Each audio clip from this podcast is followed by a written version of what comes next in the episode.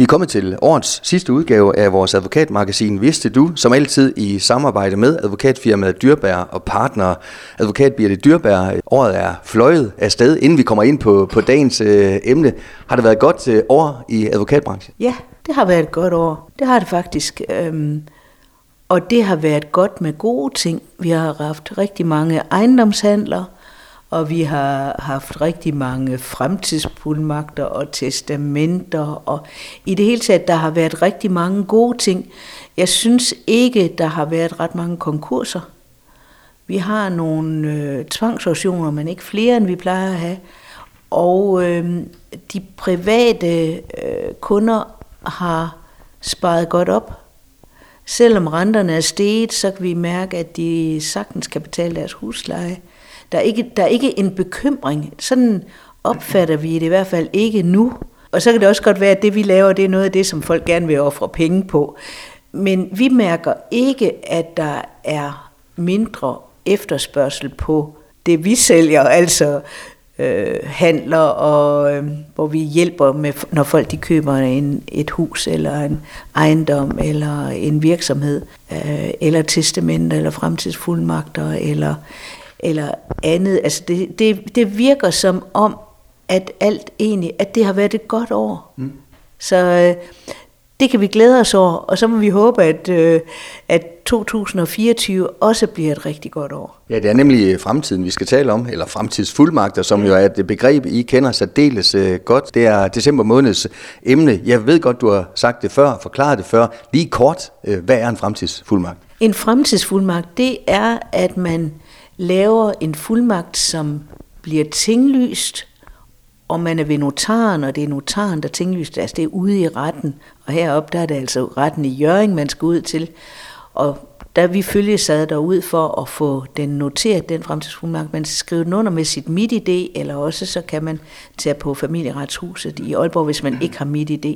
Men det er kort fortalt, så går en fremtidsfuldmagt ud på, at man giver et andet menneske eller flere andre mennesker lov til at gøre alt det, man selv kan.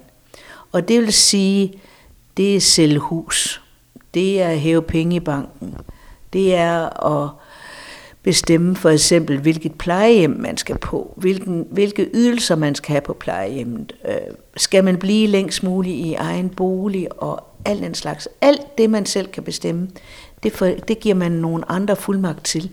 Og den kan først sættes i gang, sådan en fremtidsfuldmagt, når man ikke kan selv mere. Mm. Altså det vil sige, hvis man er blevet meget dement, eller hvis man har fået en stor hjerneblødning, øh, der gør, at man ikke kan tænke selv mere.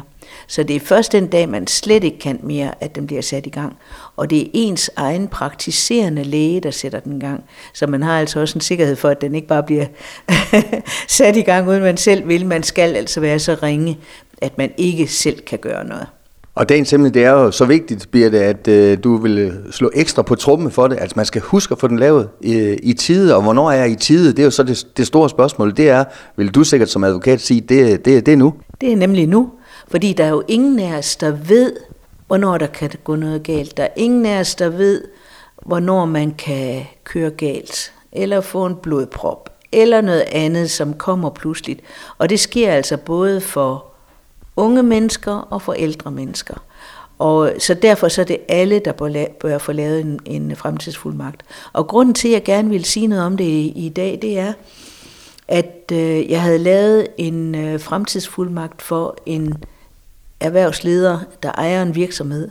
Og det var et kæmpe stort held, fordi så var der nogen til at hjælpe ham med at drive sin virksomhed videre.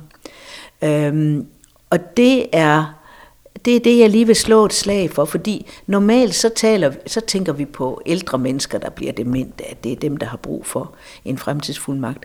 Men når man har en virksomhed, eller leder en virksomhed, så er det jo mindst lige så vigtigt, at man har en fremtidsfuldmagt. For skulle man for eksempel køre galt og ikke kan bruge sit hoved, så skal der jo være nogen til at drive virksomheden videre. Der skal være nogen til at bestille varer hjem. Der skal være nogen til at tage imod ordre. Der skal være nogen til at lave løn og sørge for, at medarbejderne de får at vide, hvad de skal gøre. Og derfor er det så vigtigt, at man når man har en virksomhed, enten ejer den eller leder den, har nogen, der, der kan hjælpe en, så frem man skulle blive ude af stand til at, at kunne drive den. Og det er jo sandsynligvis en anden end ens kone. Altså hvis man nu for eksempel har en tømmervirksomhed, så kunne det jo godt være, at det var ens kompagnon, man gerne ville have til at hjælpe en, hvis man lige pludselig ikke selv kunne. Det kunne også godt være en ledende medarbejder, man gerne ville give fuldmagt til, sådan at den medarbejder kunne afvikle virksomheden, hvis det er det, der skal til. Mm. Det kan jo godt være, at man er virkelig så syg og kan aldrig kommer tilbage igen, at virksomheden skal afvikles, og det vil ens kone overhovedet ikke kunne hjælpe med til. Så er det altså vigtigt, at man ser på to ting. Altså man ser, det samme menneske er jo to forskellige ting. Det er en erhvervsdrivende, og det er et privat menneske. Mm. Men den erhvervsdrivende, der kan det godt være, at vi skal have en fuldmægtig på. Altså for eksempel, hvis jeg nu siger, den ledende medarbejder, som man har utrolig meget tillid til, og som man ved vil kunne øh, lukke ens virksomhed, hvis det bliver nødvendigt, eller drive den videre, indtil man måske får sine fulde fem igen. det kunne man jo håbe på. Men man er jo også et privat menneske, og der vil det jo måske være godt, at det er ens egen kone, der bestemmer, hvilket plejehjem man skal på. Mm. Så det er der, man skal huske, at der er to sider, og samtidig er der jo mange flere sider. Der kan jo, også, der kan jo godt være nogen, der har flere forskellige virksomheder. Man kan jo have landbrug, man kan have en stor tømmervirksomhed, man kan have restaurant, man kan have mange forskellige ting, hvor man simpelthen er nødt til måske at have forskellige til de forskellige ting, fordi der er forskellige ting, man skal vide noget om. Så derfor så er en fremtidsfuldmagt ikke bare noget, man, øh, man jager til at gøre selv. Man skal have noget ordentlig rådgivning, så man får gået hele vejen rundt om det menneske, der skal have fuldmagten, så man siger, jamen landbruget skal du nok have en til. Mm. Øh, tømmervirksomheden, det kan godt være, at du skal have en anden til. Øh, restauranten, det er måske en tredje. Altså sådan, at man hele tiden får sat de rigtige mennesker ind til det rigtige. Og så samtidig tænke på, og hvad så med dig selv? Mm. Hvad så med dit personlige? Hvem skal bestemme, hvilket plejehjem du skal på? Hvem skal bestemme med hensyn til sygehus og så videre? Og der vil de fleste jo nok gerne have, have deres ægtefælle ind som den, der, der hjælper og støtter og, og gør det rigtige der. Og worst case scenario bliver det, hvis ikke man får styr på at tegne sådan en fremtidsfuldmagt. Hvad, hvad kan det være? Det er, at ens virksomhed går konkurs. Går det godt? Ja, fordi øh, der er jo ingen til at drive den. Og hvad skal man så gøre? Det er jo en selv, der skal skrive under. Det er en selv, der har alle fuldmagter. Så hvad skal man gøre? Øh, man kunne måske godt få en værv, om det tager lang tid. Mm. Og, så, og det er jo ikke sikkert, og det er faktisk også det, jeg hører fra flere. Der har jo været nogle lidt grimme skræk eksempler på offentlige værger. Det må vi jo sige, at der har desværre. Og der er også rigtig mange, der siger til mig, jamen jeg vil ikke have en offentlig værge. Jeg vil vide, hvem det er, der skal tage sig af mig og min virksomhed osv. Så Sådan at man selv bestemmer, hvem er det, der skal tage hånd om mig. Så det er der også, altså også folk, der ikke har en virksomhed, de tænker også, jeg vil godt nok selv bestemme, hvem det er, der skal sørge for min økonomi og sørge for mig som person, og hvad jeg må, og hvad, hvad jeg må købe, og, mm. og så videre, hvad vi nu ellers har hørt af eksempler, hvem der skal sørge for at få solgt mine ting, hvis det skulle være det.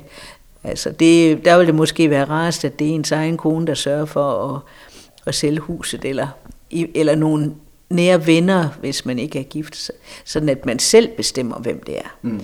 Og med hensyn til øh, den øh, personlige øh, fremtidsfuldmagt, der synes jeg også, der er, det er tit, at vi tænker, øh, vi tænker lidt mere i detaljer. For eksempel sådan noget med, at man siger ja til, at man får en GPS på, hvis man nu skulle blive dement og motorisk, og så gå væk. De, de fleste vil meget hellere blive fundet med en GPS på, end at ligge på en mark og dø af kulde.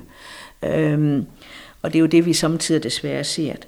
Og mange skriver også, at de gerne vil være længst muligt i eget hjem, og at den formue, de har, den må gerne blive brugt til, øh, til personlig pleje og hjælp hjemme. Og øh, også, at man gerne vil på hospice, for eksempel, hvis det er en mulighed.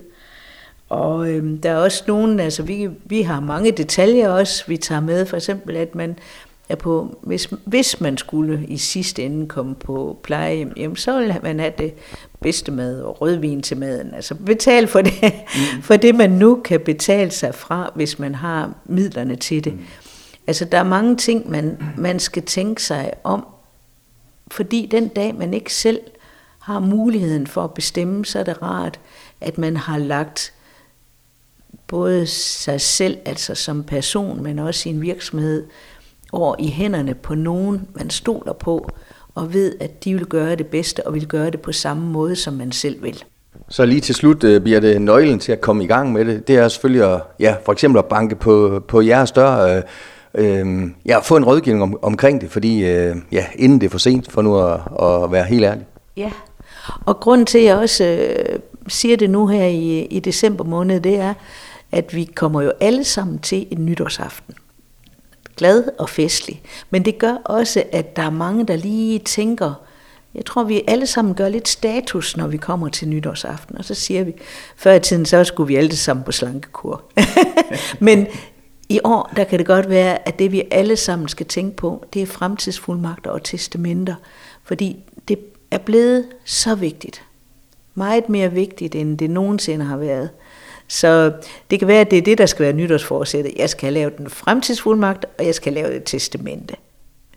Det var altså årets øh, sidste ord for dig i den her omgang, Birte. Vi øh, høres heldigvis øh, ved i 2024. Tusind tak for et godt samarbejde. God jul og, og godt nytår til alle jer på kontoret. Ja, tak. Og i lige måde, og til alle lytterne, en rigtig glædelig jul og et godt og lykkebringende nytår.